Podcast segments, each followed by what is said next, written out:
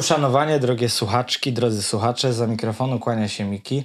Kolejny miesiąc, a więc kolejny epizod audycji mówionych. Na wstępie zaznaczę, że możecie słuchać podcastu w aplikacjach podcastowych takich jak Spotify, Google Podcast czy Apple Podcast, jak i na portalu Mixcloud, gdzie znajdziecie pozostałe cykle tworzące ramówkę Miki's Choice Radio. Włącznie z najnowszym muzykomatem zachęcam do odsłuchu.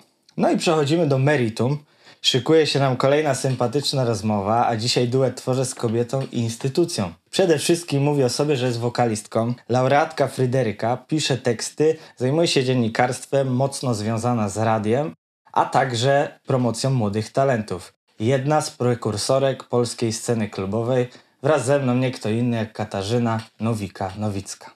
Bardzo mi miło Cię przywitać. Mi również, cześć, witam Cies wszystkich. Cieszę się, że znalazłaś chwilę, abyśmy mogli porozmawiać. Nasze spotkanie będzie podzielone na dwie części. W pierwszej będziemy mówić bardziej o Tobie, a w drugiej o twórczości i na koniec taka króciutka, naprawdę króciutka zabawa metrum 5 czwartych.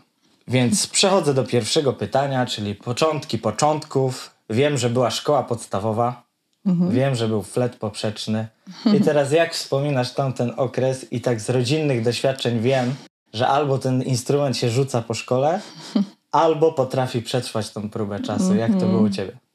Ojej, to wiesz, ca cała rozmowa mogłaby tego dotyczyć, bo to są naprawdę takie wciąż żywe w ogóle we mnie, we mnie wspomnienia, bo ja byłam dziewczyną z Jelonek i stamtąd jeździłam autobusem e, aż na pętle, żeby dotrzeć do tej szkoły muzycznej namiotowej. Nikt inny tego nie robił u mnie z osiedla. Więc już samo to byłam tak, takim wyjątkiem e, w mojej, w mojej okolicy. No i byłam przez to taka trochę nieszczęśliwa, no bo dzieci grały sobie w siatkówkę, bawiły się, a ja nie dość, że wracałam późno, to jeszcze musiałam żmudne tam ćwiczenia odbywać. Więc to jest jedna taka rzecz, która no, każdemu dziecku będzie, będzie się kojarzyła ze szkołą muzyczną, jeśli tam uczęszczał.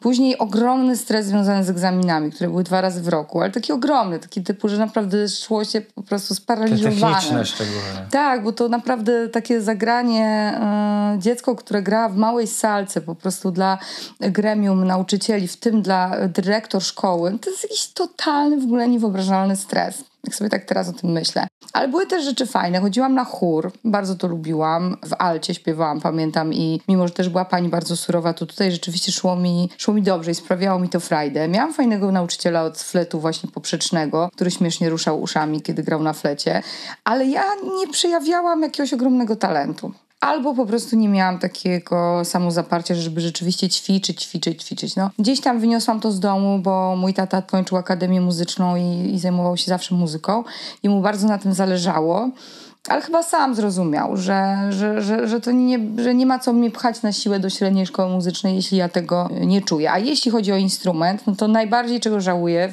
jedna z takich top ten rzeczy, które żałuję w życiu, no to to, że po prostu ten fortepian odpuściłam, bo właśnie przerzucono mnie ze względu na małą dłoń na flet poprzeczny Nadal jednak na tym fortepianie grałam, ale przez to właśnie, że nigdy nie rozbudzono w nas takiej chęci do grania innego repertuaru niż klasyczny, czy do improwizacji, to ja po prostu w momencie, kiedy mm, e, nie musiałam już się uczyć tej gry, to ja to po prostu odstawiłam. I próbowałam po latach wrócić. No to oczywiście ja czytam nuty, ale trudno mi tak na dwie ręce co, coś zagrać, tak, tak po prostu. Tak zazdroszczę tym wokalistom, którzy po prostu siadają do instrumentu i sobie podgrywają. Y, cały czas mi się wydaje, że ja jeszcze to zrobię. Natomiast flet y, mam, pożyczyłam go właśnie. Busław, oddaj mi mój flet. Pożyczyłam Busławowi.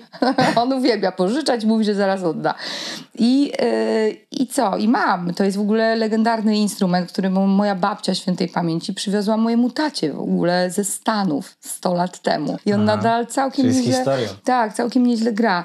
A, I sobie lubię czasami go złożyć i wy, pa, parę dźwięków zaśpiewać. Ale to jest nie na tyle dobre, żeby z tym wystąpić na przykład na scenie, ale można to w studiu dograć jak najbardziej i wykorzystać. O, to tak. Później studiowałaś anglistykę i tu chciałem zapytać, skąd taka decyzja? Bardziej, nie wiem, interesowały Cię te kierunki Wielka Brytania, Stany Zjednoczone, czy po prostu patrzyłaś perspektywicznie, że bardzo dobra znajomość języka angielskiego pomoże Ci w późniejszej twórczości w tym języku? To tak zupełnie szczerze odpowiadając na to pytanie, jak byłam e, jeszcze dziewczynką, to moi rodzice, za co jestem im ogromnie wdzięczna, wozili mnie z tych jelonek na Mokotów do takiej Małgosi, która prywatnie uczyła mnie angielskiego i ona studiowała wtedy anglistykę. Ja po prostu, była to, był, był to mój największy autorytet po prostu ever, oprócz mojego tatusia oczywiście ukochanego. I ja chciałam być taka jak ona. Mi się tak podobało, jak ona mówi po angielsku, e, że ona spowodowała, że ja się zaczęłam interesować głównie Wielką Brytanią właśnie. Ja byłam pewna tej anglistyki dosyć w ogóle wcześniej, jak na y, dzieciaki, które są w liceum. Ja dosyć, szybko podjęłam taką decyzję, bo czułam, że z tą muzyką to mi może nie wyjść i wiedziałam, że ten angielski to jest właśnie y, taką moją pasją i że chciałabym tak bardzo swobodnie nim się posługiwać. I teraz muszę zapytać o pierwsze doświadczenia muzyczne, bo z jednym z wywiadów powiedziałaś o płycie, która jest dla ciebie bardzo ważna i zdobyłaś tym moje serce, bo chodzi o płytę Jamiroquai. Mm-hmm, tak. E, I to chodzi o tą pierwszą, czyli Emergency on Planet, Planet Earth. Earth. Czy oprócz Jamiroquai jeszcze byś wskazał jakichś artystów, którzy początkowo, bo wiadomo, że to się na pewno z latami mm-hmm. zmieniało, ale początkowo jakby kształtowali twój gust muzyczny? Znaczy po prostu ja wskazuję na tego Jamiroquai dlatego, że to był przełom, bo ja wcześniej słuchałam, owszem, no nie wiem, Leny Krawic, The Police, no taki, taka mieszanka. Tu Wilki, tu nie wiem, tata mnie zabierał w ogóle, jak byłam mała, na różnego rodzaju przeglądy na festiwal do Sopotu, no tak po prostu w, raczej w takim kierunku w ogóle popowym e, szłam w tych swoich zainteresowaniach. No i właśnie nagle zobaczyłam ten teledysk z, z tym JK-em, który po prostu skacze tam gdzieś po górach w tym kapeluszu, w jakimś takim poncho. Chyba Marek Niedźwiecki zresztą to pokazał w telewizji. I w ogóle to jest takie właśnie olśnienie. No, kopara ci nagle opada po prostu do ziemi. Już wow, jest w ogóle jakiś inny świat, zupełnie inny kierunek. I słuchałam bardzo dużo w swoim pokoiku na Kasprzaku. Najpierw na pewno, na pewno najpierw miałam kasetę. I y, po prostu no nie, myślę, że do dziś byłabym w stanie przynajmniej zanucić, a połowę tekstów na pewno jeszcze pamiętam, bo naprawdę te, tę płytę miałam tak mocno, mocno przerobioną, a do tego doszło Arrested Development, no i oczywiście Björk. Ogromna, ogromna inspiracja, również jeśli chodzi o pisanie tekstów. W ogóle takie poruszanie się w, w angielskim, żeby poprzez prostotę dotykać jakichś takich fajnych, metaforycznych yy, skojarzeń. No i cały ten jej image, cały, cały ten jej świat, no, no, był w tych, na początku jej kariery, mm, no ona była naprawdę taka zjawiskowa, no nie było zbyt wielu takich e, artystów. Trip hop oczywiście się pojawił cały wówczas y, i Tricky i, i, i Portishead, ale te wszystkie kolejne płyty Jamiroquai były dla mnie y, aż do chyba że nie, Traveling Without Moving. Traveling, potem, potem, już, potem już tak troszkę, tak, też okej, okay, ekscytacja, bo w ogóle, co jest ciekawe, ja trafiłam do pracy do Sony Music gdzie nawet nie wiedziałam tego, kiedy mnie przyjmowali. Kiedy się okazało, że oni wydają Jamiroquai i że mogę mieć wszystkie single, sample, mogę pojechać na koncert. To w ogóle ja mówię, Boże, ja po prostu Marzenie. wygrałam los na loterii. E, I do dziś rzeczywiście taką naprawdę pokaźną kolekcję takich singielków, wiesz, z różnymi okładkami, gdzie zawsze jest ten sam oczywiście znaczek. Przez chwilę nawet tatuaż chciałam mieć taki, ojej, dobrze, że sobie tego nie zrobiłam. Więc to, to chyba rzeczywiście była taka ogromna fascynacja ten, to Jamiroquai chociaż muzycznie niby tego się u mnie, u mnie, właściwie nie wysłyszy, ale na przykład bardzo dużo, duże miał znaczenie, jeśli chodzi o naukę angielskiego dla mnie. No, naprawdę to nie są łatwe teksty do zaśpiewania i one po prostu wymagały takiej gimnastyki, no, dużo dawały na takie, takiego osłuchania. No i teraz przejdziemy już do DJingu, bo wiem e, w którymś właśnie wywiadzie, e, mam nadzieję, że właśnie tutaj powiesz to swoimi słowami, gdzieś ten DJing odstawiłaś na boczny tor. Mhm i skupiłaś się na innych rzeczach. I teraz właśnie chciałem Ciebie zapytać, jakby co spowodowało, że jednak te granie na imprezach gdzieś tam w pewnym momencie e, przestało Cię, nie wiem, mm -hmm. do końca kręcić? Znaczy wiesz, bo za, zaczęło się wszystko od radia, mm, od radio, radiostacji, mm, więc najpierw było granie muzyki w radiu, przez to y, właścicielki między nami, y, knajpki, która do dziś świetnie funkcjonuje sobie na ulicy Brackiej, poprosiły mnie, żebym zaczęła grać jakieś chillouty, coś takiego jak robię w radiu, ale żebym grała to w knajpie u nich. Ja taka trochę byłam właśnie oporna, bo nie jestem DJ-ką, ale rzeczywiście to, to okej, okay, to mi się podobało. Ale w klubach to zaczęłam najpierw śpiewać. Z duetem Bugi Mafia. Najpierw sobie poćwiczyliśmy w domu, bo mieszkaliśmy obok siebie i spróbowaliśmy to chyba po raz pierwszy w klubie Palmiarnia y, wykonać. I to było coś zupełnie nowego. Dziewczyna śpiewająca z DJ-ami. Ja się strasznie tego wstydziłam, chowałam się gdzieś tam w ogóle po kątach i to było takie w ogóle śmieszne, myślę. Tak jakbym dzisiaj tego posłuchała. Ale ponieważ zaczęło być wokół mnie w ogóle, znaczy zaczęło się dużo rzeczy dziać, bo tu smolik, tu futro, tu radio, to yy, gdzieś tam taki pojawił się pomysł, żeby mnie w tych klubach było więcej w kontekście właśnie DJ-skim. I kiedy już przestałam grać razem z y, takim chłopakiem, którym pod pseudonimem Zen występował, mieliśmy taki duet Zenowi, kiedy już to jakby zeszło na drugi tor, to pojawiła się propozycja z TVN-u, aby poprowadzić program z Oliwierem Janiakiem Co za noc. Y, a wcześniej jeszcze był program, że uczyliśmy harfistkę na DJ-kę. Tak. Y, ogólnie ten TVN się po prostu pojawił. I ten TVN spowodował trochę taki jakby mm, taką popularność, przede wszystkim moja popularność troszkę wzrosła. Zaczęło się pojawiać ciśnienie, żebym ja grała jako DJ-ka. Czyli miałam normalnie tą torbę DJ-ską z tymi winylami, jeździłam sama, wsiadałam do pociągu. Ale okazało się to trudnym bardzo zajęciem. No to naprawdę trzeba kochać, naprawdę trzeba czuć, a ja w to zostałam w jakiś tam sposób wbita. Owszem, zarabiałam bardzo dobrze wtedy, nie powiem i można powiedzieć, że byłam rozchwytywana. Natomiast ja na przykład technicznie nie byłam nigdy dobra jako DJ-ka. No i to mówię to jakby otwarcie. Co mnie kręciło? Selekcja, wybieranie takich numerów już nie mogłam się doczekać. Zaraz zagram, zobaczę, jak oni zareagują. To było super. Ale zauważyłam, że ci ludzie oczekują czegoś więcej, no bo tu Nowika przyjechała. No to jak Nowika przyjechała, to Nowika tu zrobi jakiś show. A ja nie miałam im do zaoferowania żadnego show. Ja byłam jednak bardziej w duży radiowcem, a na pewno wokalistką. Potem był jeszcze taki moment, że gra, jednocześnie grałam i śpiewałam. To było też niezłe, bo był, to był taki chaos. Tu mi płyty spadały, tu o matko boska, tu się płyta kończyła, ja jeszcze śpiewam. No to było śmieszne, ale to było całkiem niezłe. To było też takie, myślę, że, że, że, że ci, co to widzieli, to mogą to fajnie, fajnie wspominać. I pewnego dnia ja po prostu powiedziałam, koniec, śpiewam, nie gram. Wyszłam, nawet pamiętam, że zapowiedziałam Angelo Majka i powiedziałam, że teraz Angelo Mike, a to był mój ostatni set. Bardzo dziękuję. I to było w Krakowie. Mhm. Nigdy nie pożałowałam tej decyzji. Akurat tego nie. Tego fortepianu żałuję, a tego nie. I jeszcze nie wychodząc właśnie z tej y, klubowej tutaj, y, tego klubowego środowiska, w jednym z wywiadów powiedziałeś, że właśnie jesteś bardzo mocno kojarzona ze sceną klubową i musisz się z tym borykać. No I teraz tak. chciałem zapytać, czy tu chodzi o jakąś mniejszą ilość propozycji wokalnych? To mhm. miałaś na myśli? Jakbyś rozwinęła tę myśl? Tak, to znaczy wiesz, no to w ogóle ta łatka e, Nowika DJ, DJ Nowika, to po prostu przygnęła nam, e, do mnie bardzo, bardzo silnie. No teraz już jednak y, raczej jest to wiadome, że ja występuję w klubach w takim duecie Nowika Mister Lekcji, że ja w klubie owszem jestem, ale ja śpiewam. Ale bardzo długo tak było, że kiedy już nawet nie grałam, to ciągle yy, wszyscy myśleli, że ja dalej jestem tą DJ-ką. To raz. To było trochę uciążliwe w pewnym momencie. Natomiast ja bardzo bym chciała brać udział w takich specjalnych koncertach, nie wiem, pamięci kogoś, nie wiem, piosenki Ciechowskiego. O to chodzi, że tutaj nikt nie pomyśli o mnie, no owszem też dlatego, że nie jestem jakoś bardzo popularna, ale też dlatego, że okej, okay, no Wika siedzi w klubie. Y, I teraz się bardzo cieszę, bo właśnie będę brała udział w tym wydarzeniu Wodecki Twist i tam będę wykonywała wreszcie piosenkę Wodeckiego, ale zaaranżowaną przez duet Sarapata, więc wszystko to będzie będzie oczywiście wywrócone do góry nogami. Więc tak, o to mi właśnie chodziło, że ja bym bardzo chciała troszkę w innych kontekstach też zaistnieć. Rozumiem, dlatego właśnie mówisz o sobie, że głównie jesteś wokalistką, mhm. żeby właśnie troszeczkę tą łatkę tak, tak, tak, z tej tak, przeszłości tak. oderwać. Wiem, że jesteś fanką takiego bardziej analogowego świata, papierowych książek, spotkań takich jak to nasze, czyli mhm. na żywo.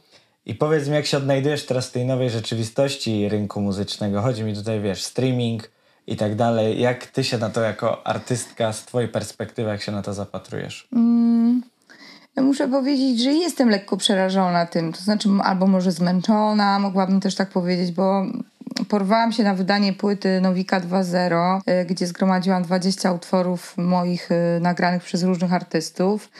Mm, no i tutaj, no, że to jest wszystko tak jak ktoś ma pieniądze, to wszystko jest spoko, bo to sobie zainwestuje. Tu w kampanię, tu w osobę, która mu ogarnie social media, tu w, w, w, pójdzie do dobrej wytwórni i to się wszystko kręci. Jeśli za ciebie to robią ludzie, a ty się możesz skoncentrować na twórczości, to to jest super. Tylko naprawdę to nieliczni tak mogą sobie No na coś takiego pozwolić. Naprawdę, bo ja, ja ostatnio, jak już dostałam jakieś rozliczenia po tej płycie, to stwierdziłam, że to już nawet nie tyle, że to jest hobby, że wychodzimy na zero, tylko to się stało inwestycją.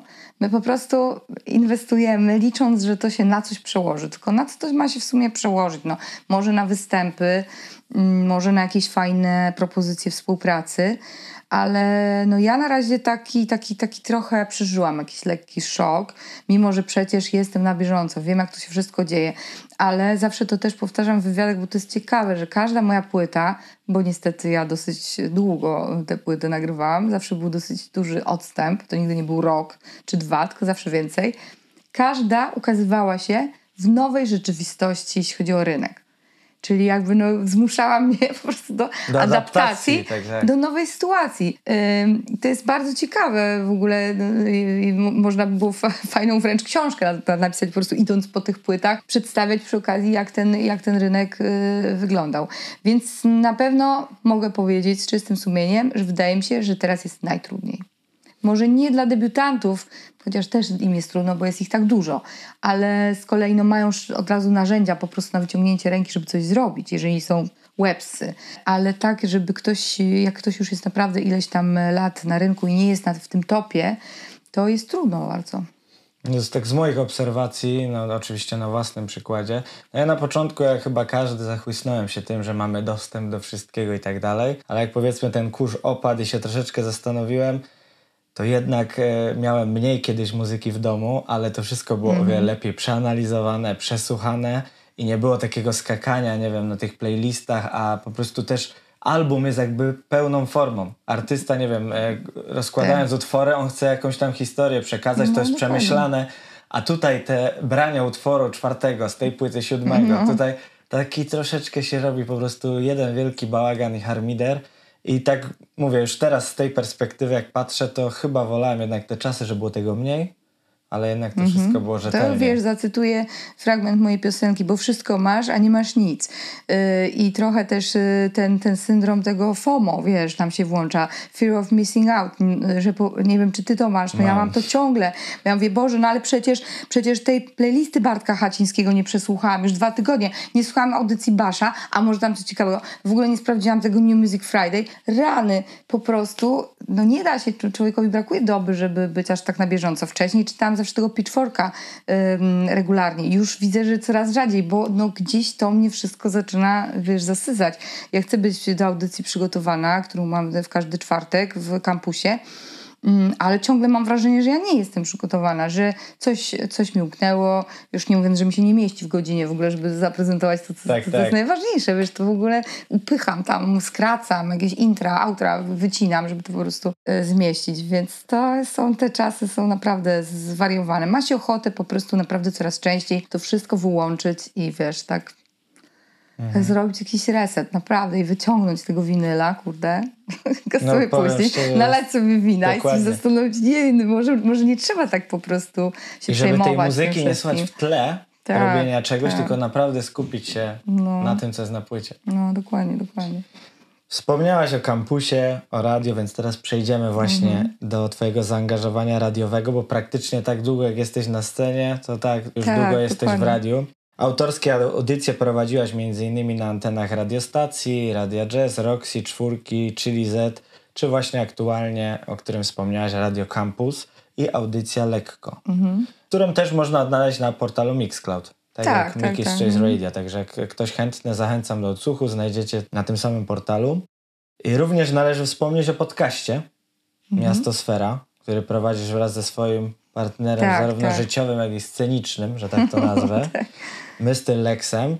Czy możesz powiedzieć, bo tutaj mam pytanie, mm, jak wygląda taka wolność autorska, wiesz, prowadzącego autorską audycję? Mhm. Czy jednak musisz się mocno wpisywać w jakieś ramy stacji? Wiadomo, że to pewnie zależy od miejsca, w którym grasz. Czy jednak masz troszeczkę wolności i możesz przemycać, że tak brzydko powiem, treści i utwory, które w tobie w duszy grają? To znaczy, wiesz co, ja oczywiście mam... E, dostałam zupełnie wolną rękę tutaj od szefostwa kampusa i ja bym sobie mogła grać tak, jak chcę, tylko ja jednak no, zawsze wolę się dopasować do jakiejś sytuacji. Jeśli mam audycję o 10 rano w radiu pełnym młodych ludzi, oczywiście ten słuchacz jest różny, Radio Campus, bo i tacy ludzie w moim wieku też chętnie go słuchają, mm, no ale odmawiam czasami niektórym artystom zaprezentowania utworów y, mocno eksperymentalnych, czy też bardzo, bardzo stonowanych, no bo po prostu to nie jest ten moment. Zastanawiałam się, jak się odnajdę w ogóle w, o tej porze rano. Na razie mi się to podoba, chociaż troszkę mi już brakuje takiej wieczornej audycji, kiedy można sobie posmęcić, zagrać na spokojnie no, siedmiu... Takie klimaty, siedmiu, z jakimi jesteś kojarzona. Tak, siedmiominutowy utwór.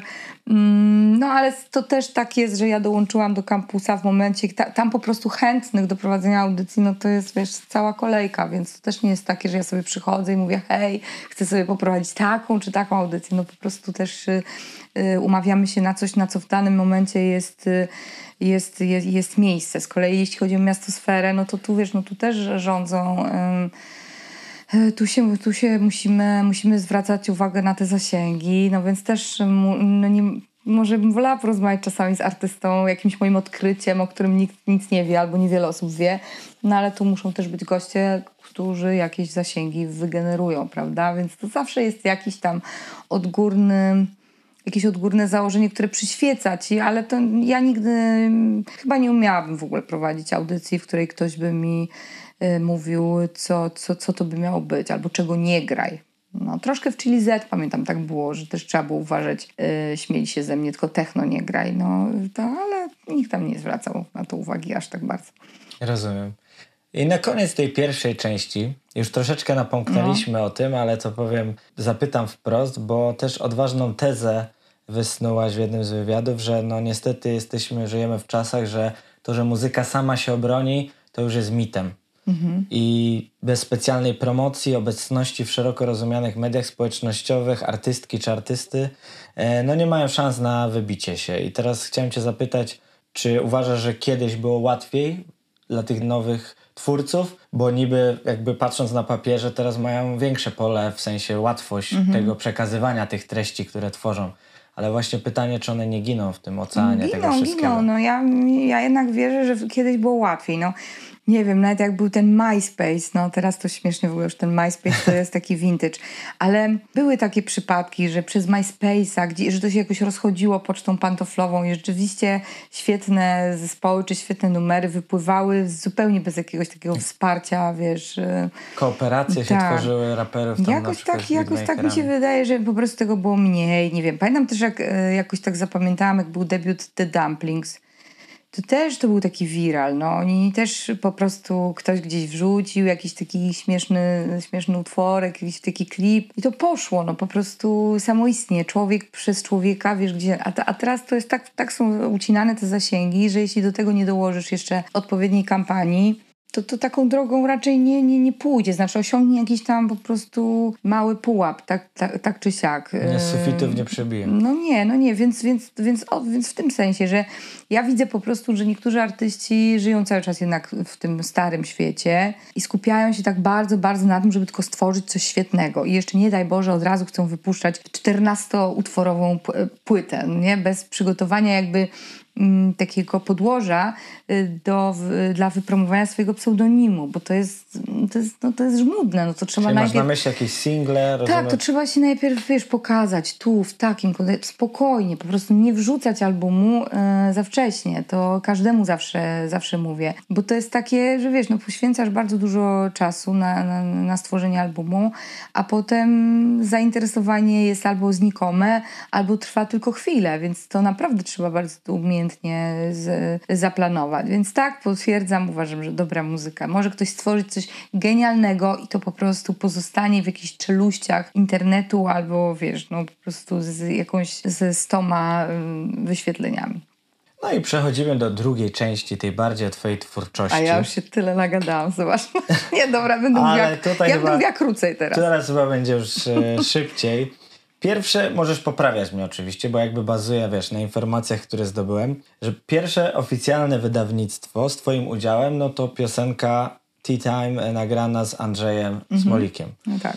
I na jego pierwszy album. Ale powiedz mi, jak zanim doszło do tej współpracy właśnie, czy była już Nowika, czy wtedy już był, coś było z zespołem Futro, bo ten album nagraliście Tak. w 2002 roku, ale no myślę, że do albumu jednak się trzeba trochę przygotowywać. Tak, to się zaczęło, e, tak naprawdę to wszystko spowodowała piosenka Where is the Love e, Futra, która ukazała się na takiej kompilacji dołączonej do magazynu Machina. Ach, co to była za gazeta. Em, to był taki konkurs Pepsi Faza, który odbywał się w radiostacji. I ten utwór usłyszał Paweł Jóźwicki, który już wtedy dopiero zakładał chyba CC Records. Tak, chyba to była jakoś tak, tak, taka świeżynka jeszcze. Ym, I bardzo mi się ten utwór spodobał. I Paweł miał w ogóle takie zwyczaju na zasadzie, że coś go rzuca na kolana. I on w ogóle do mnie zadzwonił i w ogóle wow, ja mówię, kurczę, w ogóle co tu się dzieje? W ogóle jakiś gościu w ogóle. On mnie zapoznał ze Smolikiem, uważał, że to będzie dobry pomysł. Yy, Andrzej od razu jakby powierzył mi właśnie wymyślenie melodii do, do, do podkładu do, do Tea Time.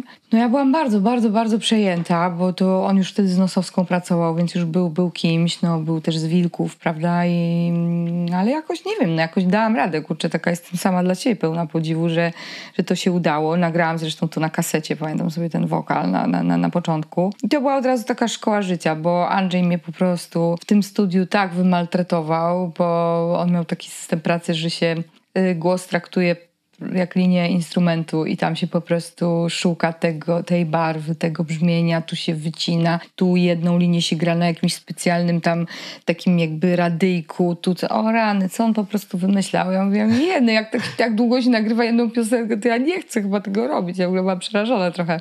Więc tak, więc to nie bo w ogóle z futrem było tak, że po prostu ono sobie tak się rodziło, rodziło, długo trwały rozmowy o umowie, kiedy to wydać, jakie zdjęcia, jakie coś, jakie coś. Więc po prostu futro już było, wszedł smolik, a, a, potem, a potem futro. No i powiem szczerze, że y, przygotowując się do naszej rozmowy, miałem okazję dopiero posłuchać albumu Futro, zespołu Futro. no. I powiedz mi, dlaczego tylko jedna płyta? Co tam się wydarzyło później? Ojejku, no my byliśmy w ogóle wszyscy trochę z innej bajki. No, materiał Ko- świetny. No, Konrad Kucz, dzięki. Konrad Kucz i Wojtek Apel. e, Zresztą 20 lat mija od wydania tej płyty, więc ma być winyl podobno. Mam nadzieję, że to się uda. I, I cóż, no to wiesz, to jest długa historia i tak do końca już nie wiem. Wiem, że w pewnym momencie było takie parcie, żeby na drugiej płycie pojawiły się rzeczy bardziej radiowe. I to jest zawsze coś takiego, co czasami jakiś zespół może po prostu zabić.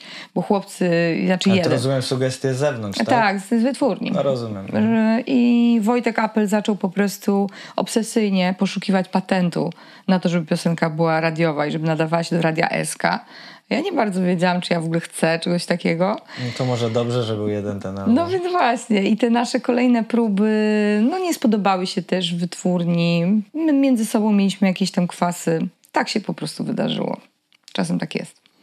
I jeszcze cofniemy się tylko do 2001 roku, bo muszę zapytać utwór, który bardzo lubię i w ogóle bardzo miło wspominam.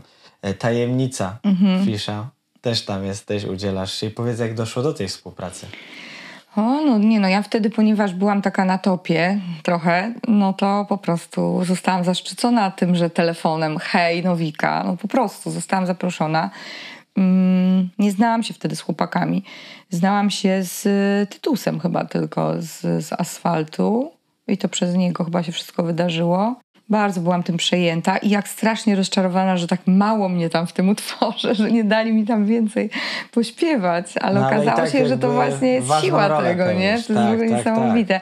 I ostatnio robiłam podcast Miastosfera z Fiszem i na początku tej rozmowy e, go właśnie tak zawstydziłam, wspominając, jak nagrywaliśmy teledysk. I mówię, Bartek, pamiętasz jak to wyglądało? Był potworny upał, a my y, w ogóle, ty byłeś tak aspołeczny, że po prostu nagrywaliśmy scenę i każdy się rozchodził w inną stronę, a nie było wtedy tak komórek, żeby na tym, no, siedzieć na komórce, tylko po prostu w ogóle nie było tak, że my tam gadaliśmy, coś tam, jakieś, jakaś fajna relacja. Dopiero później tak się bardziej zakolegowaliśmy, ale ten teledysk to taki, kurde, w ogóle No to nie dziwny. widać. To dobrze to ukryliście Teraz jest przepiękny, obiektywem. jest naprawdę przepiękny, uwielbiam w ogóle go oglądać. Także ja też polecam z całego serca utwór Tajemnica, Fisz właśnie Feed Nowika. Mm.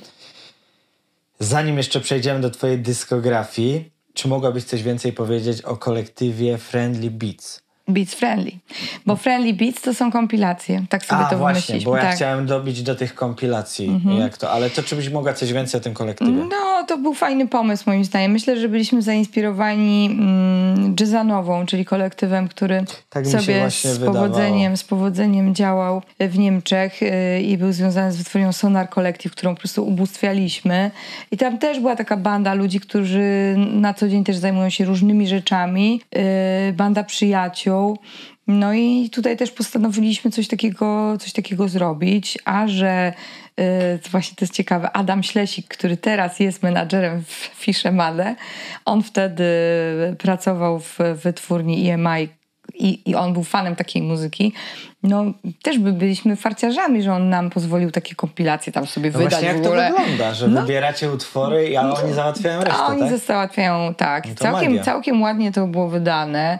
Można było zrobić sobie jakieś tam znaczki, naklejki, robiliśmy sobie imprezy. No już imprezy robiliśmy oczywiście we własnym zakresie. Dużo zagraliśmy imprez bardzo zabawnych, no, masę, masę wspomnień. Oczywiście rzadko można było w pełnym składzie to, y, to, to, to zagrać. Też taką fajną sesję zrobiliśmy, że ja jestem w ogóle z brzuchem, że jestem w ciąży, tak. Czyli to mu- musiał, musiał być rok 2006 albo 2007 do live'a, na, na okładce Chyba normalnie. szósty była pierwsza kompilacja, No. ósmy druga. No, no, no nie, ale to w końcu tak przestało mieć rację bytu, no bo, no bo ciężko było właśnie zabukować nas wszystkich, e, albo nawet trzy osoby, bo to te budżety klubowe, no wiadomo, to nie jest takie proste. E, Niektórzy już bardziej zajęli się swoją pracą poważniejszą, więc, e, ale zdarza nam się czasami. W ogóle teraz Beats Friendly obchodziło, tak, 18 lat w tym roku.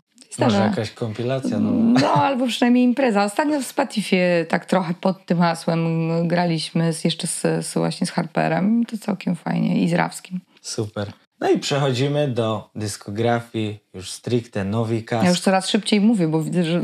Skupimy się tylko na pełnometrażowych albumach. Dobrze. Bo tutaj to by mi łatwo było mi ustalić, chronologię i tak dalej. Szybciutko wymienię tych sześć albumów. Pierwszy Tricks of Life z 2006, Love Finder z 2010, Mix Finder z 2011, Hard Times z 2013, Bez Cukru 2019 i już przez Ciebie wspomniany najnowszy, czyli z 2021 roku, czyli Nowika 2.0. Przez to je wymieniłem, bo chciałem w pierwszej kolejności zapytać, do którego z tych albumów najczęściej powracasz, żeby wiesz, posłuchać i który był najtrudniejszy do zrealizowania? Znaczy wiesz, no tak, żeby sobie siedzieć tak, ach, posłucham ze swojego albumu, to myślę, że raczej nikt tak nie robi i to, i to, to, to, że takiej sytuacji nie ma. Ale jeśli rzeczywiście mm, zdarza się taka sytuacja, ostatnio miałam taki wywiad, który dotyczył bardziej moich tekstów, taki cykl między słowami w Big Book Cafe i musiałam o tych tekstach pomyśleć, to stwierdziłam, że, że kurczę, no zdarzały mi się naprawdę całkiem fajne, fajne te teksty, i, ale chyba tak mm, jako całość, to najbardziej dumna jestem z płyty Hard Times właśnie, bo wydaje mi się najciekawsza muzycznie, tekstowo też, też, też, też ciekawa. Z kolei na Bez Cukru podoba mi się to, że jest więcej polskich y, piosenek, a, a z kolei Love Finder kojarzy mi się z takim największym, je- jeśli można o mnie w ogóle mówić sukces, o, o sukcesie, to najwięcej się wokół tej płyty wydarzyło. Właśnie tutaj kolejne pytanie mam, bo ja tak naprawdę swoją twórczością e, miałem styczność przez utwór Miss Mood, Tak. czyli otwierający Love Finder.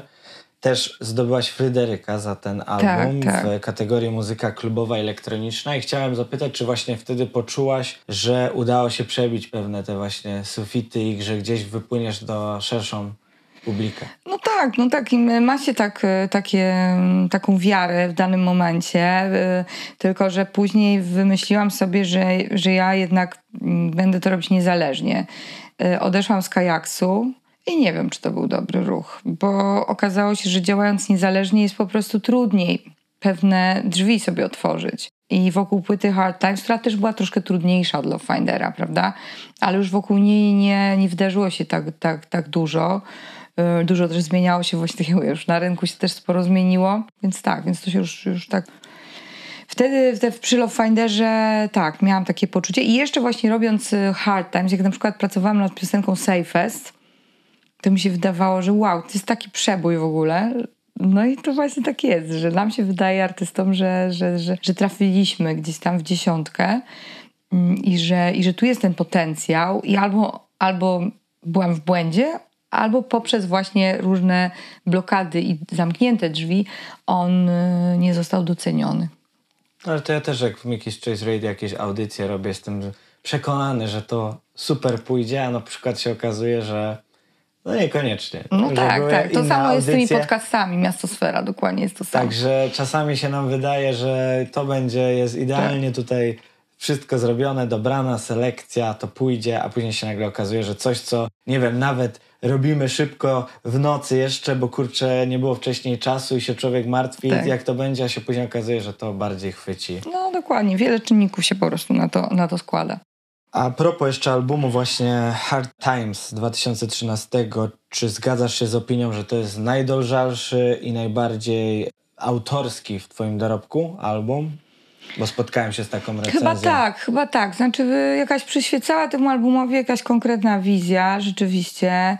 Bardzo duża jest tutaj zasługa Bogdana Kondrackiego, który bardzo, widziałam, był wkręcony w ogóle w, płytę, w pracę nad tą płytą. On mnie, on mnie motywował tak naprawdę do działania. Ale to, co do, dodało od siebie jeszcze Agim, Jalili tutaj na tej, na tej płycie, to też jest bardzo istotne. Ta okładka, to wszystko, tam się po prostu jakoś tak dla mnie wszystko zgadza. Mm bo, bo płyta bez cukru już była podzielona troszkę na takie etapy. Utwór lekko na przykład bardzo ją wyprzedził, yy, ukazał się wcześniej niż reszta płyty. Tak właśnie zaczęłam działać tak singlowo, ale to potem na odbiór całego albumu tak wpływa, że już tak nie odbieram go jako taką spójną całość. O, może tak. I właśnie wspominasz o albumie Bez cukru. Skąd ten tytuł i co cię inspirowało e, do tego nagrania tego albumu? Bo chyba coś się tam kryje pod tym tytułem. E, Wiesz co, no nie, no tytuł, wiadomo, że przy tytułach yy, szuka się w ogóle czegoś, co będzie chwytliwe, coś, co, czegoś, co będzie krótkie, co zostanie w pamięci, e, będzie fajnie wyglądało, więc tutaj na pewno to też jest istotne przy tym tytule. Mm, chciałam, żeby był polski właśnie, bo też myślałam o Sugar Free, czy tam jakichś takich, takich nazwach. Trochę chciałam wtedy się odnieść do tego, że dużo się wtedy mówiło o tej diecie, wiesz, o różnych nowych produktach. Teraz to już tak, wiesz, to już tak spowszedniało, że właściwie to może, może mniej to jest na tapecie. No i też yy, wiesz, no, że, że, że, że są tam również gorzkie treści, no, że nie ma po prostu jakiegoś takiego luk lukrowania, więc chyba to takie były, takie mi przyświecały tutaj głównie pomysły na to. Rozumiem. I na koniec już też wspominałaś o tym albumie, ale powiemy troszeczkę więcej, czyli Nowika 2.0. I tutaj wiem, że nie lubisz określenia jubileusz, więc się przygotowałem. Wiesz co, ja to nawet nie to, że nie lubię, ale co komu mówiłam o tym, to każdy mówił, weź nie mów tego, weź, nie, to jakoś tak źle, to nie pasuje do ciebie. Ja mam, album jest po prostu swoistą formą aprobaty na twoje dwu- 20 lat twórczości. 20 utworów, 20 lat prosta matematyka. I oczywiście to jest, rozumiem, liczone od tego oficjalnego debiutu, tak? Tak, o to co, dokładnie. Rozumiem. Okej, no to pasuje wtedy. Reinterpretacje twojej, tw- Tak. twojej twórczości, utwory w zupełnie nowych aranżacjach, zaproszonych wielu wspaniałych gości. Powiedz mi, skąd pomysł na taką, jakby nie mówić, dosyć złożoną formę świętowania tych lat na scenie? No wiesz co, no chyba to wynikało trochę z takiego właśnie to, o czym wcześniej mówiliśmy, czyli braku umieszczania mnie w takich szerszych kontekstach. Pomyślałam sobie, dobra, nie zapraszają mnie za bardzo na te płyty na, i na te koncerty, to ja sobie sama taką zrobię płytę, gdzie sobie zaproszę kogo chcę, artystów, którzy się ze mną w, jakiś sposób łączą, bo tam nie ma w ogóle takich wyborów na zasadzie, bo ktoś jest popularny, tylko wszystko jest czymś podyktowane. Tu nie ma przypadkowych osób w ogóle na tej płycie. Mm, Więc to jest raz. Dwa, wydawało mi się, że to będzie ciekawsze dużo, yy, po prostu bardziej ekscytujące niż album z remixami, The Best of, no to w ogóle już tak nie, nie, nie bardzo. To jest chyba jeszcze moment na The Best of, albo w ogóle no, The Best of to sobie Bajm może wydać. I chyba, chyba o to chodziło głównie, żeby to było po prostu ciekawe. No trochę się porwałam, bo to było dużo pracy, bo ja w tym bardzo uczestniczyłam. To nie było tak, że to Sporo było... osób. Tak, że to nie było tak, że ja to zleciłam i sobie siedziałam, tylko aktywnie w tym uczestniczyłam, pomagałam w miksach, e, w niektórych utworach zaśpiewałam na nowo. Mm, Fajnie, jestem bardzo z tego dumna i cały czas mam takie wrażenie, że to nie dotarło może tak, tak, tak jak ja bym chciała do wszystkich, więc jeszcze teraz fajnie, że gramy koncerty troszkę z tym materiałem, jeszcze tam chciałam jeden teledysk zrealizować, no, no zobaczymy, bo to jest taka płyta, która no i za rok będzie, znaczy to po prostu ona jest dosyć taka e, uniwersalna, jeśli chodzi o czas, mi się wydaje. Jak najbardziej. I na koniec pytanie. Cały od- czas mówisz, że na koniec. Tak? to nie jest No bo prawda. tak w sumie bo z dyskusji sobie notuję te pytania, możesz mieć rację, ale teraz już naprawdę na koniec. No. Jeszcze przed grom oczywiście. Ojej. E, Pytanie o ten duet, który też już się pojawił, czyli twój prywatno-zawodowy. Oczywiście chodzi mi bardziej o zawodową sferę, bo wspólnie z Mr. Lexem graliście w klubach w całym kraju, także na festiwalach takich jak Opener czy Audio River. W ogóle miałem przyjemność was w 2013 tak. roku na żywo usłyszeć. I powiedz mi, grając w tylu miejscach, możecie, możesz wskazać, w jakiej scenerii wam się gra najprzyjemniej i czy wolicie publiczność w klubie, czy na festiwalu? Bo wydaje mi się, że są dwie różne publiczności. Tak, to są różne. No nie najbardziej lubię grać na festiwalu, to wiesz, bez, bez namysłu mogę ci odpowiedzieć, bo najlepiej te wszystkie grania wspominam, szczególnie te właśnie audio-riverowe, bo każde były w troszeczkę innym miejscu, ale zawsze był jakiś taki szał, po prostu, no poza może występem na głównej scenie, gdzie to była wczesna godzina, lud- ludzie się dopiero schodzili, ale też było to dosyć do dobre, tak, ale też było to dosyć dobrze wspominane. Mm, Ja w ogóle lubię bardzo występy też na powietrzu i wtedy też występowaliśmy raz na tym ryneczku płockim. E, Nie było najlepszej pogody, ale też było sympatycznie. Ale te wszystkie występy nasze na przykład z Katowic, ze Ształwajerów, e, no faj, fajnie się, w ogóle dobrze się śpiewa e, na powietrzu. Mm, Ten dźwięk się fajnie, fajnie roznosi. No i ludzie są jacyś tacy szczęśliwsi, kiedy pogoda jest fajna i można sobie w nocy, w nocy potańczyć.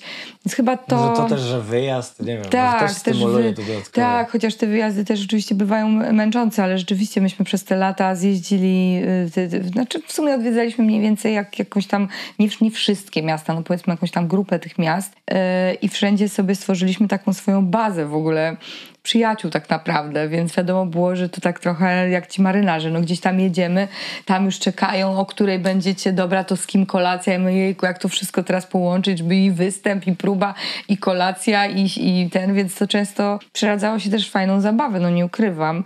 Więc te klubowe też, no są takie miejsca wyjątkowe, na przykład, nie wiem, no Bliska w Bielsku Białej, no to jest po prostu fantastyczne miejsce, no i to, to zależy. Ja już tak trochę unikam tych klubów, gdzie jest bardzo, bardzo głośno i każą mi występować, o zaczynać o pierwszej w nocy, no więc to, to tak, nie to, że tego nie lubię, ale już nie do końca to po prostu czuję. Wydaje mi się, że, że, że, że to mnie już za bardzo, za bardzo męczy i ma umiarkowany sens po prostu dla, dla, dla też odbiorcy ten wokal o tej godzinie, o trzeciej już na przykład w nocy, nie? No i dobrnęliśmy A to końca tak- drugiej To części. ostatnie zdanie takie, takie nie wyszło na puentę w ogóle. Ale Wyszło, puenta- że Nowika jest zmęczona. Puenta jeszcze przed nami, spokojnie, bo jeszcze zabawa metrum 5 czwartych. Słuchaj, zasady są bardzo proste. No. Zadaję 5 pytań, masz dwa warianty odpowiedzi, odpowiadasz najszybciej jak się da. Jak wybór jest zbyt trudny, możesz powiedzieć pauza, A, przeskakujemy no tak, dalej. to ja to znam, dobra. Gotowa? Tak, Książka czy e-book? książka Kawa w domu czy w kawiarni? w kawiarni. Audycja nocna czy poranna? Kurczę, no obie op- odpowiedzi, niech będzie wieczorna. Londyn czy Nowy Jork? Londyn, nie byłam w Nowym Jorku. Klub czy festiwal? Festiwal. No, jesteśmy na mecie. Ach, o, dobra, boż. Widzisz, i tutaj dużo zawsze te metrum 5 czwartych później potwierdza, czy bądź zaprzecza właśnie Aha, jak w czasie tym rozmów, odpowiedem, rozmowy. tak. Ale było o tym, że Tak. wolisz festiwale, Dokładnie, prawda? dokładnie. I też w jednym z wywiadów, nie ukrywam, pokusiłem się tutaj, że uwielbiasz te kawy w kawiarni. To jest okropne. Ja z tym walczę, bo to jest po prostu już w tej chwili budżetowo jest to absurdalne Więc kompletnie. teraz, jak tutaj byś mi powiedziała, że w domu, to bym przerwał grę. No tak, byś powiedział. Byłoby do Nie, wyjaśnienia. taki, taki guzik. Liar, liar, tak, i liar. nie przechodzisz do następnego etapu. Dziękuję Ci bardzo serdecznie Dziękuję, bardzo miło. e, za poświęcony czas. Zakończę komentarzem jednego z internautów, bo myślę, że będzie dla Ciebie niesamowicie budujący i miły, bo ktoś napisał pod jednym właśnie z Twoich wydarzeń, że właśnie sobie uświadomiłem, że towarzyszy mi Pani na kolejnych etapach mojego muzycznego dojrzewania od ponad 20 lat. Także i- Bardzo piękny jest ten komentarz, tylko to szkoda, że to pani jeszcze, nie? To już tak, Tak? zabrzmiało, teraz tak wiesz. i ja tutaj bez internauta... Jubileuszowo, jubileuszowo to zabrzmiało ale, bardzo. ale myślę, że bardzo miłe. Miłe, ja miłe. Tobie też życzę wszystkiego najlepszego, zdrówka dla Ciebie i rodzinki i żeby kolejne nowe projekty muzyczne przynosiły Ci po prostu czystą radość. Dzięki, dzięki, dzięki. Dziękuję również Wam, drogie słuchaczki, drodzy słuchacze. Kolejne audycje mówione za miesiąc, ale do tego czasu wiele muzycznego dobra w innych cyklach w ramach Mickey's Choice Radio. Także nowa audycja Bitrate, która już niebawem i pierwsza kompilacja od Miłosza. Wpadajcie i sprawdzajcie na portalu Mixcloud. Do usłyszenia.